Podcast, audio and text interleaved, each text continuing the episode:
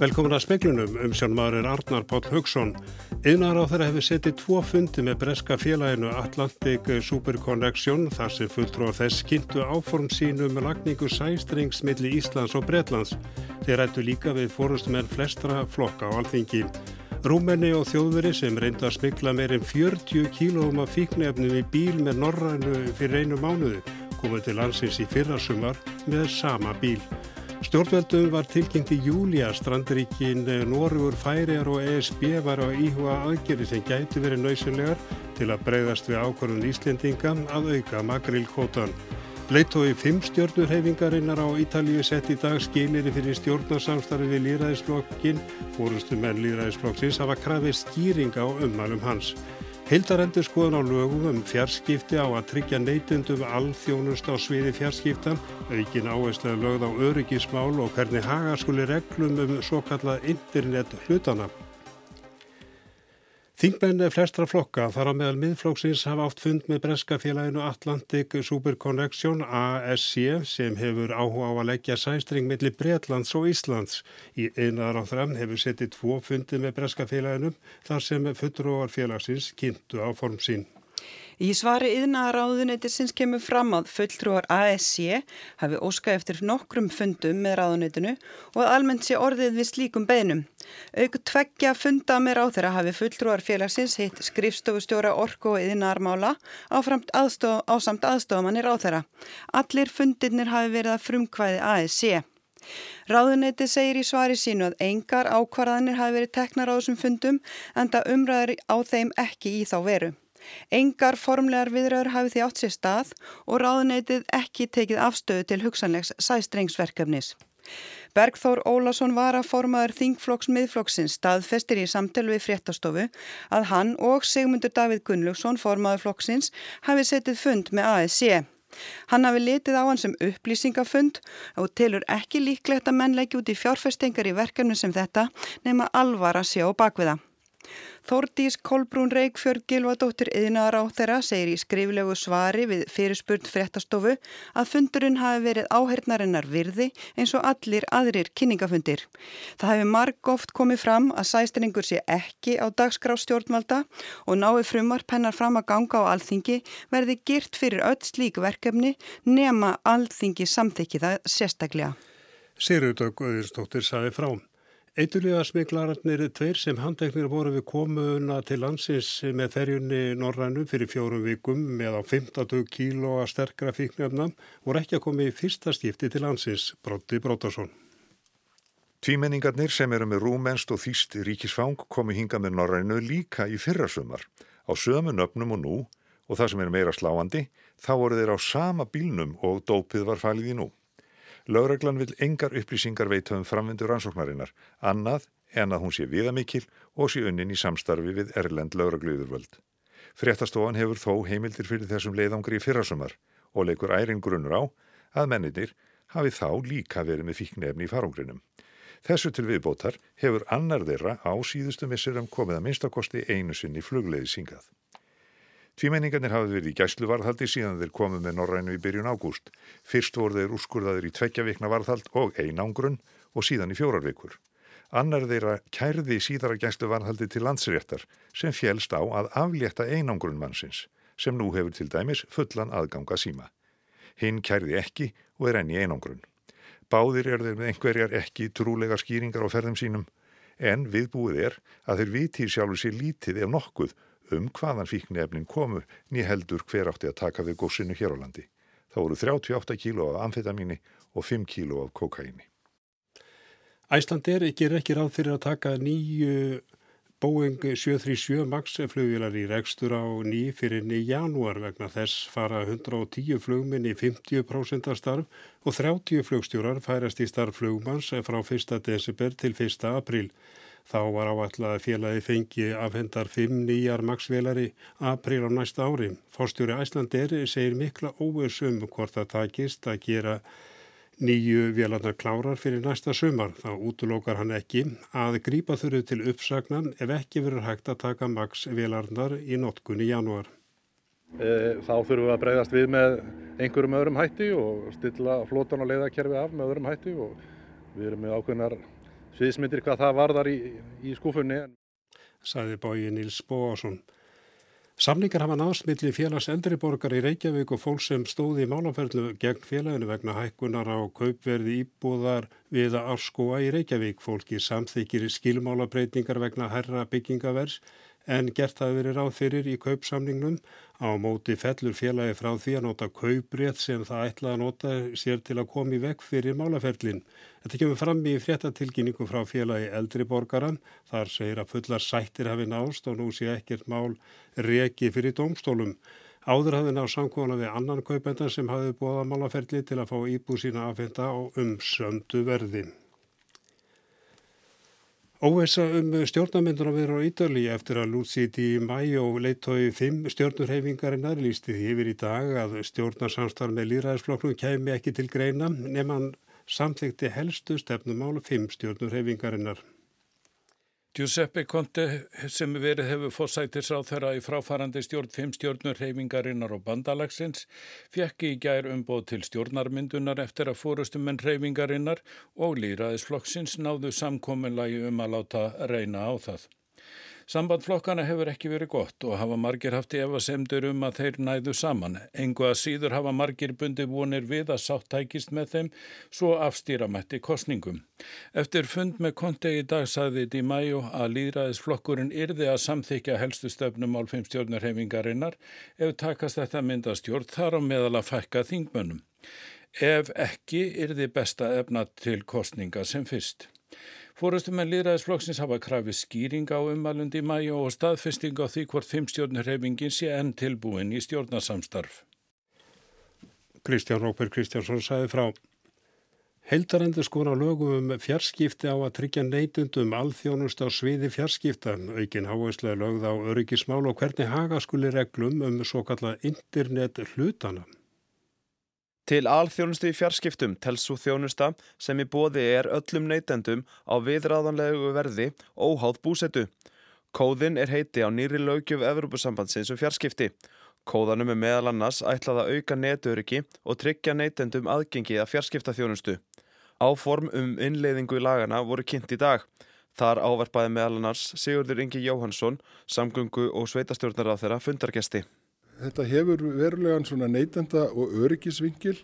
Þetta á að tryggja það að allir neytendur uh, séu tryggðir með svona einhverju þeirri alþjónustu að á enda stöð uh, fáið þeir nóthæfa eins og það er skilgrænt og næjanlega þjónustu. Það er ekki skilgræntur hámasræði.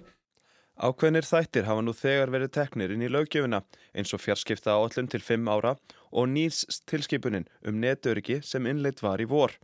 Öryggi fólks í netteimum vegur sífæll þingra þegar stór hluti samskipta fer fram á netinu. Þó að þau séu yfirleitt af hennu góða, segir Sigurður að fara verði gætilega. Reglunum er ætlað að samræma lögjöf á milli ríkja. Þá opnast auðvitað nýjar vittir, nýjar gáttir, skuggarliðar sem geta verið öryggisbrestir eða, eða þeir sem að nýta netið til glæpsanlegs tilgangs og þess vegna er mjög mikilvægt að allir séu svolítið á sama stað hvað það varðar og eh, hluta þessu regluverki og öllu því sem við erum að fjalla með fjarskiptum fjallar þessuna mjög mikið um örgisrástafana. Þetta var Sigur Ringi Jóhansson, Bjarni Rónarsson tók saman. Og vegna tónleika á rás 1 í kvöld verða tíu fréttir engungu á rás 2.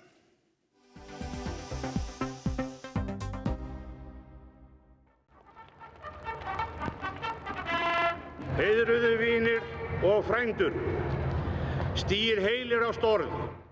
Þannig bauð Jóhann Hafstein fórsættisar á þeirra Dani velkomna þegar þeir aðfendu Íslandingum fyrstu handritin 21. apríl árið 1971. Handritin höfðu verið varveitt í Danmörku alveg frá því að Árni Magnússon ánafnaði Hafnarháskóla sapsitt á meðri átjóndöld. Í vörslu árnastofnunar í Reykjavík eru nú alls 1666 handrit og handritslutar um 7360 fortbref auk 141 handrits úr konungsbókluðu en um 700 íslensk handrit eruðu eftir í Kaupmannahöfn þar á meðal heimskringla Snorra Sturlusonar. Nú hefur Lilja Alfredsdóttir menta og menningamólar á þeirra viðra þá hugmynd að endurheimta fleiri handrit úr vörslu dana. Guðrunu Nordal, fórstöðumanni stopnunar Árna Magnússonar, líst vel á hugmyndina. Við erum ekki að fara inn í það deilu við Dani. Við erum bara að fara í samræður og átt okkur á hvernig við höfum þessum málum til framtíðar. Þetta, þetta var náttúrulega deil á sínum tíma. Það er hluti af, af gamla samningnum er sá að Íslandinga muni ekki fara fram og það að fá fleiri handrit og, og þetta mál fór fyrir hæstarétt í Danmörku e, á sínum tíma. Já. Þannig að, að e, það er svona saga um það að þessar tvær þjóður hafi tekist á um, um handrit. Já, þetta var mjög hatrum deila og mjög erfi pólitisk deila. Það voru mjög margi daginir sem vildu að við fengjum öll handritin heim. Danska þjóðin var klófin í þessu máli. Það voru ekki allir sammálu með þessa laust sem fannst. Og háskólinn í Kaupmannhauð bleita á, á handreitin sem sína eign. Já, það var þannig og, og, og, það, og það var útláð þannig við varveitum handreitin hér, við eigum þau ekki. Þannig var, var þetta niðurstaðan í, í hæstarétti.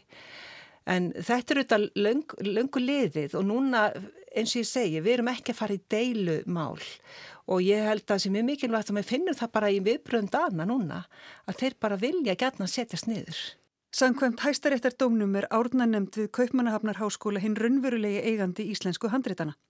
Hlutið þeirra er hins vegar varðveittur hér á Íslandi. Fyrir á þessu ári ákvað stjórn Kaupmannahafnarháskóla að staða lektors við árna safn við háskólan sem er sýstustofnun stofnunar árna Magnússonar á Íslandi skildi lögð niður. Gottskál Jensson sem áður gengdi stöðu prófessors við Íslensku og menningadeilt Háskóla Íslands hefur gengt stöðunni síðustu ár. Hann segir að starfsfólki við rannsóknir á orðnasafni hafi verið fækkað úr nýju í þrjá og undanförnum 16 árum. Hann telur að samband sé á milli þess að Kaupmannahafnar háskóli hafi dreyið úr áherslu sinni á íslensku og norrannfræði og þess að íslensk stjórnvöld vekja máls á því að fá fleiri handrit afhend. Já, ég ímynda mig það uh, og, uh, og finnst það ekkit óæðilegt uh, í raun og veru. Sko það er þannig að eh, sko, ég var og er ennþá reyndar starfandi sem fræði maður á orðnarsafni en mér var sagt upp uh, í sumar og sagt, uh, en nú hefur uh, háskólinn sem sagt sínt sig vilja til að semja um að áfarmhaldandi um, starf mitt ef fjármögnum best frá Íslandi. Þannig að Þannig að það sagt, er verið að ræðum það að, hérna, að Íslenska ríkis uh, kosti rannsóknastöðu í Kaupmannöfn til þess að rannsaka íslensk handrit og stunda íslensk fræði. Og uh, það er auðvitað uh, eitthvað nýtt og hefur aldrei, aldrei verið þannig áður og þá vaknar einmitt sem spurning hvers vegna að hafa handritin, íslensku handritin í Kaupmannöfn ef Íslenska ríki þarf að leggja út fyrir rannsóknum á þessum handbreytum í kaupmannar. Það er eh, mjög líklega ástæðan að baki þess að mendamálar á þeirra telur að nú sé tími til að endur skoða skiptingu handbreytana. Lilja Alfredsdóttir tók í raun í sama streng í dag þegar hún undirritaði verksamningum byggingu hús íslenskara fræða. Vegna þess að við erum að reysa þetta hús og við munum núna geta varvett handritin betur en nokkuð tíman áður. Það eru líka breytti tímar á alþjóða vísu þar sem hefur verið að skila í ríkari mæli menningavermætum til uppruna ríkisins. Svo að auki þá sagt, hafa verið svolítið vankvæði á fjármögnun á lektorstöðunni í Kaupnarhafna háskóla. Þannig ég segi við erum tilbúin til þess að taka á móti hérna, fleiri handrítum og það passar við það að við séum að fara í þessa framkvæmt. Guðrún telur hins vegar ekki að lektorstaðan sé ástæðan fyrir þessum áhuga á að fá fleiri handri til Íslands. Nei, ég held ekki. Ég held að þetta mál hafi raun og verið byrjaði fyrra þegar við fengum tvö handrit lánuð hingað heim. Uh, Snorrætu handrit mjög mert og Reykjavík njálu, elsta heilega handrit njálu. Og margir fóruð að hugsa, voru svona mörg handrit eftir í kaupanöfn, það hefði fendt yfir málið og, og margir hafðu samband og hug, fóru að hugsa eigum við ekki reyna að fá handritin heim, fleiri handrit heim? Ekki endilega alls 700 eigum við að fá einhver handrit heim? Og, og við erum ekki gerða til að loka þetta af hér, við erum að, við erum að, við erum að leggja áherslu á, á þetta, þennan arf, okkar vinna, vinna hér og auðvitað þetta mikla hús sem á að vera að byggja núna utanum stopnunina og Íslensku telt háskólans og handritin og íslenskunna má segjast í viðskilningi þetta er þetta gríðarlega svona uh, gríðarlega sterk skilabóð um það að við viljum gera miklu betur. Við, við höfum náttúrulega ekki gert nú vel við handrítin okkar til þess. Nei, við höfum náttúrulega beð lengi eftir þessar byggingu núna, það tekit aldrei tíma að koma þessu áfram, við höfum ekki gefist upp á þeim draumi og, og nú, er, nú hefur þetta, þetta komið í alla leið þannig að við, að við vorum í dag að fagna undirritun verksamningsins á byggingarstað. Samtal við Dan um þetta verður bara mjög spennandi og ég hlakka til að fá að ræða þetta við þau bara í, í, í vinottu. Þetta var Guðrún Nordalega, Sigriður Hagalín Björnstóttir, rætti við hann og Gottskálk Jensson, einni var rætt við Lilju Alfredsdóttur.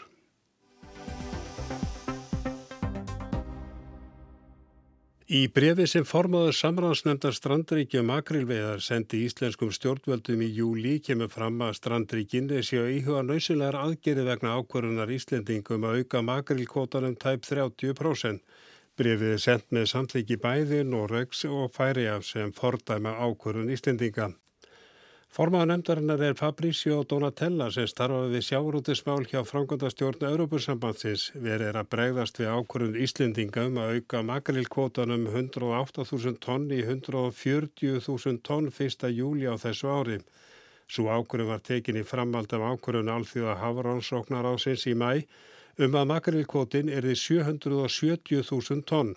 Það var talsverð aukninga með að við 318.000 tonn sem ráði gaf út í fyrrahaust. Strandaríkin, Norrur, Færiar og Erúpesambandið ákvaðu þá að hildarafli makrils er því 653.000 tonn sem var 20% minni kvóti en árið áður.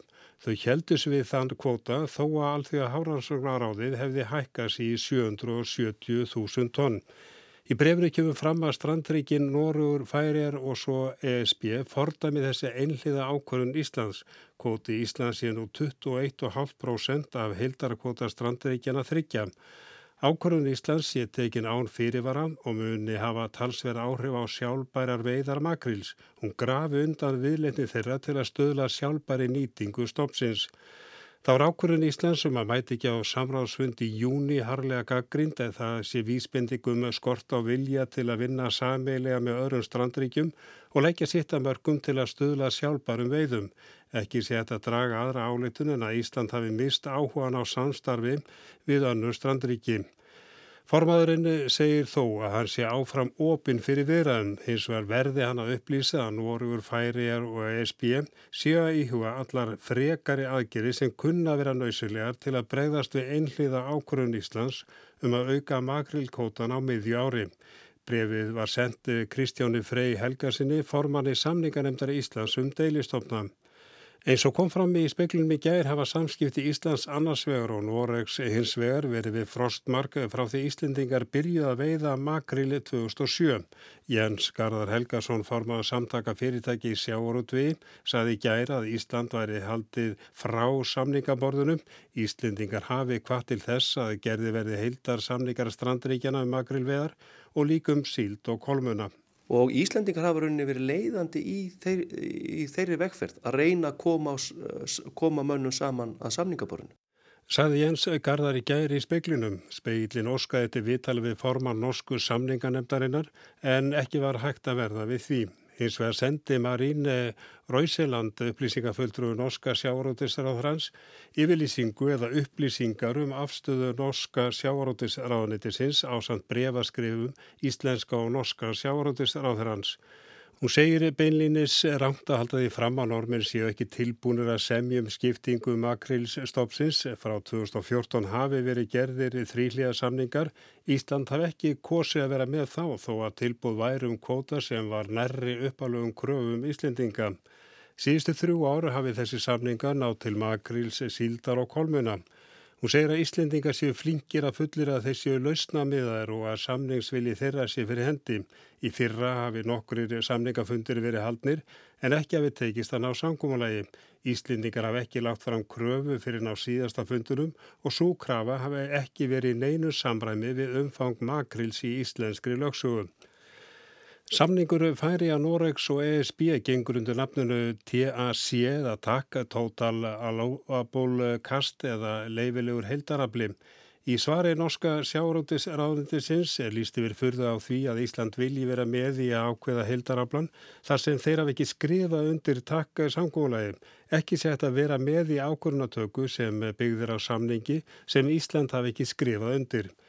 Bretinni Chris Davis sem er formaður fiskvegi nefndar Európuþingsins hefur hótað að komi verða á viðskita þvingunum með gagvart Íslandi vegna ákvörunarinnar um að auka magrilkvotan. Málið verður rætt í nefndin í næstu vikum. Davis segir Íslendinga bæði óabyrg og gráðuga. Hórum hefur enda verið bóðu til Íslands til að ræða málinn.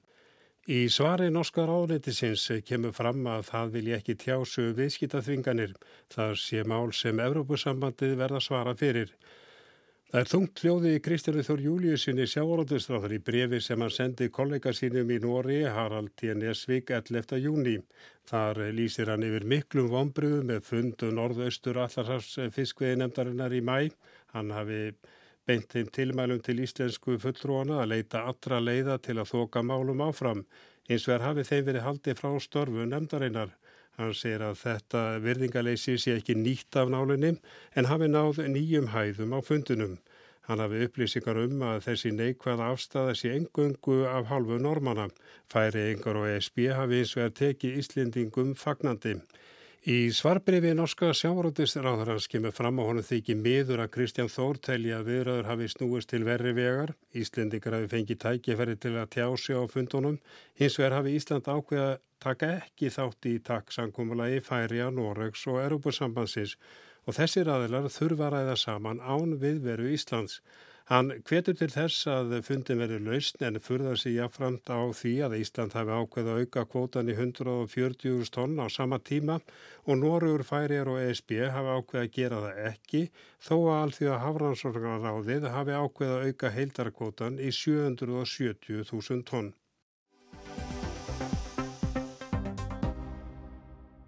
Í allt sömar hafa borist fregnir af mótmælum í Hongkong.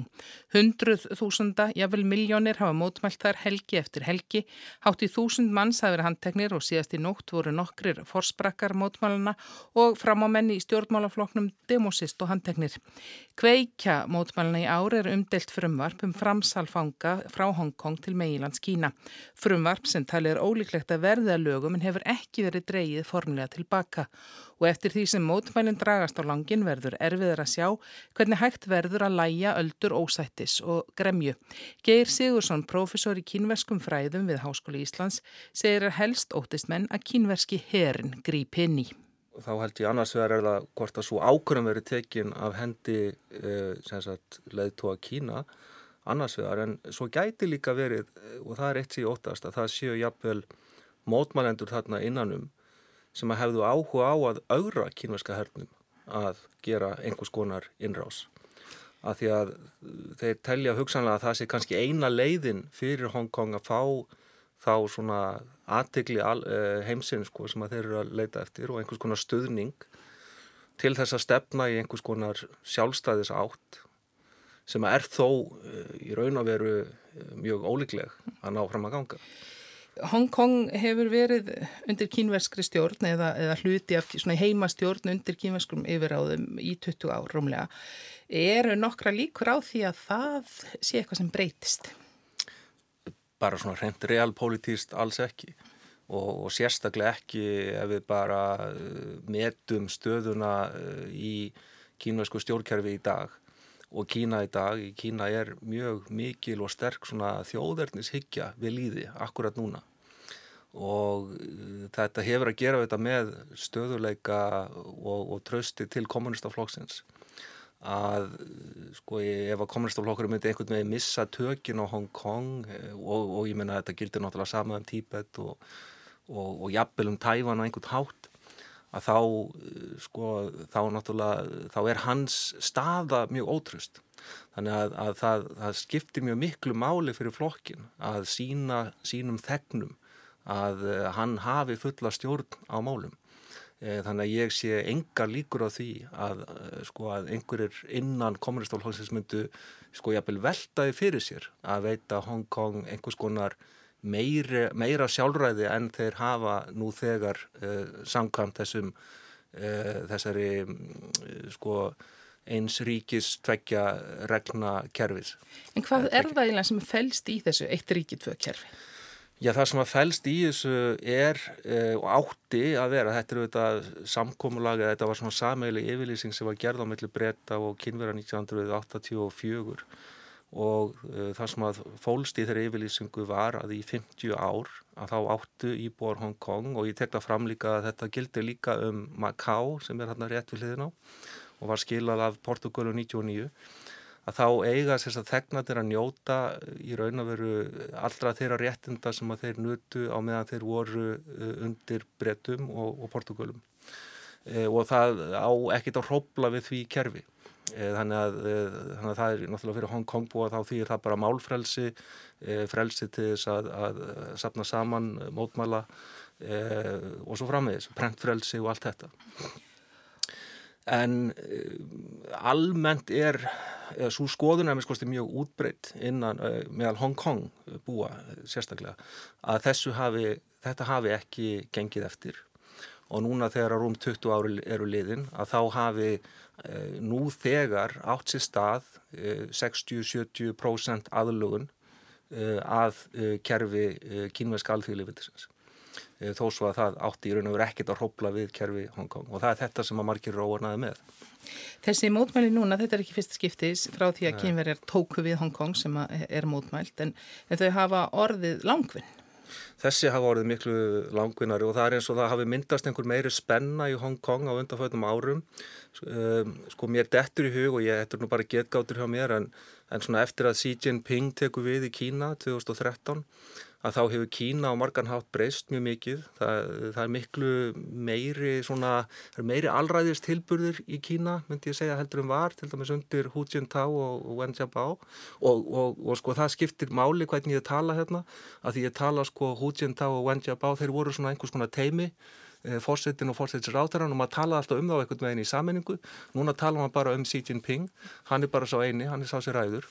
Og það hefur breyst mjög mikið í, í, í Kína á þessum árum varðandi einmitt eh, bara tjáningafrelsi og annað slíkt og eh, sko ég veldi bara fyrir mig hvort að Hong, Kong búa sko skinni sko hvað kontrastinu orðin stærri núna á milli eh, sko þeirra þar sem þeir búa og, og Kína og þeir, þeim finnst kannski eins og að sé verið að soga sig meira inn í mm. svona kerfi eins og er virðist vera að, að sko riðja sér meira til rúms í Kína. Fréttastofan Reuters byrtið að fréttum að stjórnvöldi Peking hefði í sumar hafnað öllum tillögum Kari Lam leðtói heimastjórnarnar í Hongkong um hvernig hann mætti ná sáttum við andspyrnu öll. Í umfjöllun Reuters sem byggist á samtölum við embættismenn segir að stjórnvöldi í Hongkong hafi talið að mögulegt væri að draga hefði umdelta frumvart tilbaka og stopna til sjálfstæðra rannsóknar á framgöngu lögreglu gegn mótmælendum. Það orði til þess að friða þá hófsamari í hópið í Peking hafi hafnað því algerlega, lam bríndi því að bregðast við. Hún verðist í milli steins og sleggju, heima fyrir segist innan við fjórðungur íbúa stiðjana. Lögreglan hefur bannað samkomu sem bóðuð hafi verið á morgun en er ekki búist við það dýji til að koma í vekk fyrir mótmæli. Þetta er púðu tunna og uh, já, ég vona bara að það takist að finna einhverja ásættanlega lausni eða, eða að allir aðila séu viljur til að gera einhvers konar málamílanir en ég, ég er satt að segja mjög óttaslegin um að það verði mjög erfitt að finna slíka lausn. Saði Geir Sigursson, Anna Kristín Jónsdóttir talaði við hann. Við sáðum meðal annars að frá því speiklunum í kvöld að einar á þeirra hefur setið tvo fundum með breskafélaginu Atlantic Superconnection þar sem fötru á þess kynntu áform sínum lagningu sæstrengs milli Íslands og Bretlands. Þeir ættu líka við fórustumenn flestra flokka á alþingi.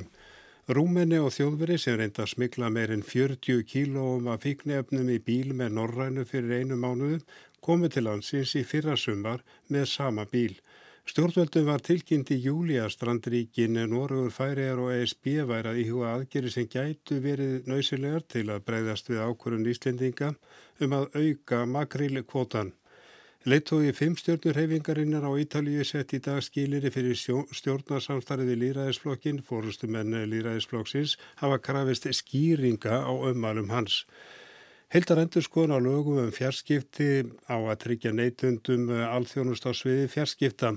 Og lítum aðeins til veðurs, norðaustanátt 8 til 15 metrar á sekundu um vestavert landið en hægari norðlægi átt annar staðar, rigning eða súlda norðvestan til en skúrir í öðrum landslutum engum sítegis. Norðvestlægari vindar á morgun og lítilsáttar vætum landið norðavert og einni síst fram á kvöld híti fjögur til 12 stíg en heldur svalar á morgun. Tæknumari kvöld var Mark Eldred, verið sæl og góða helgi.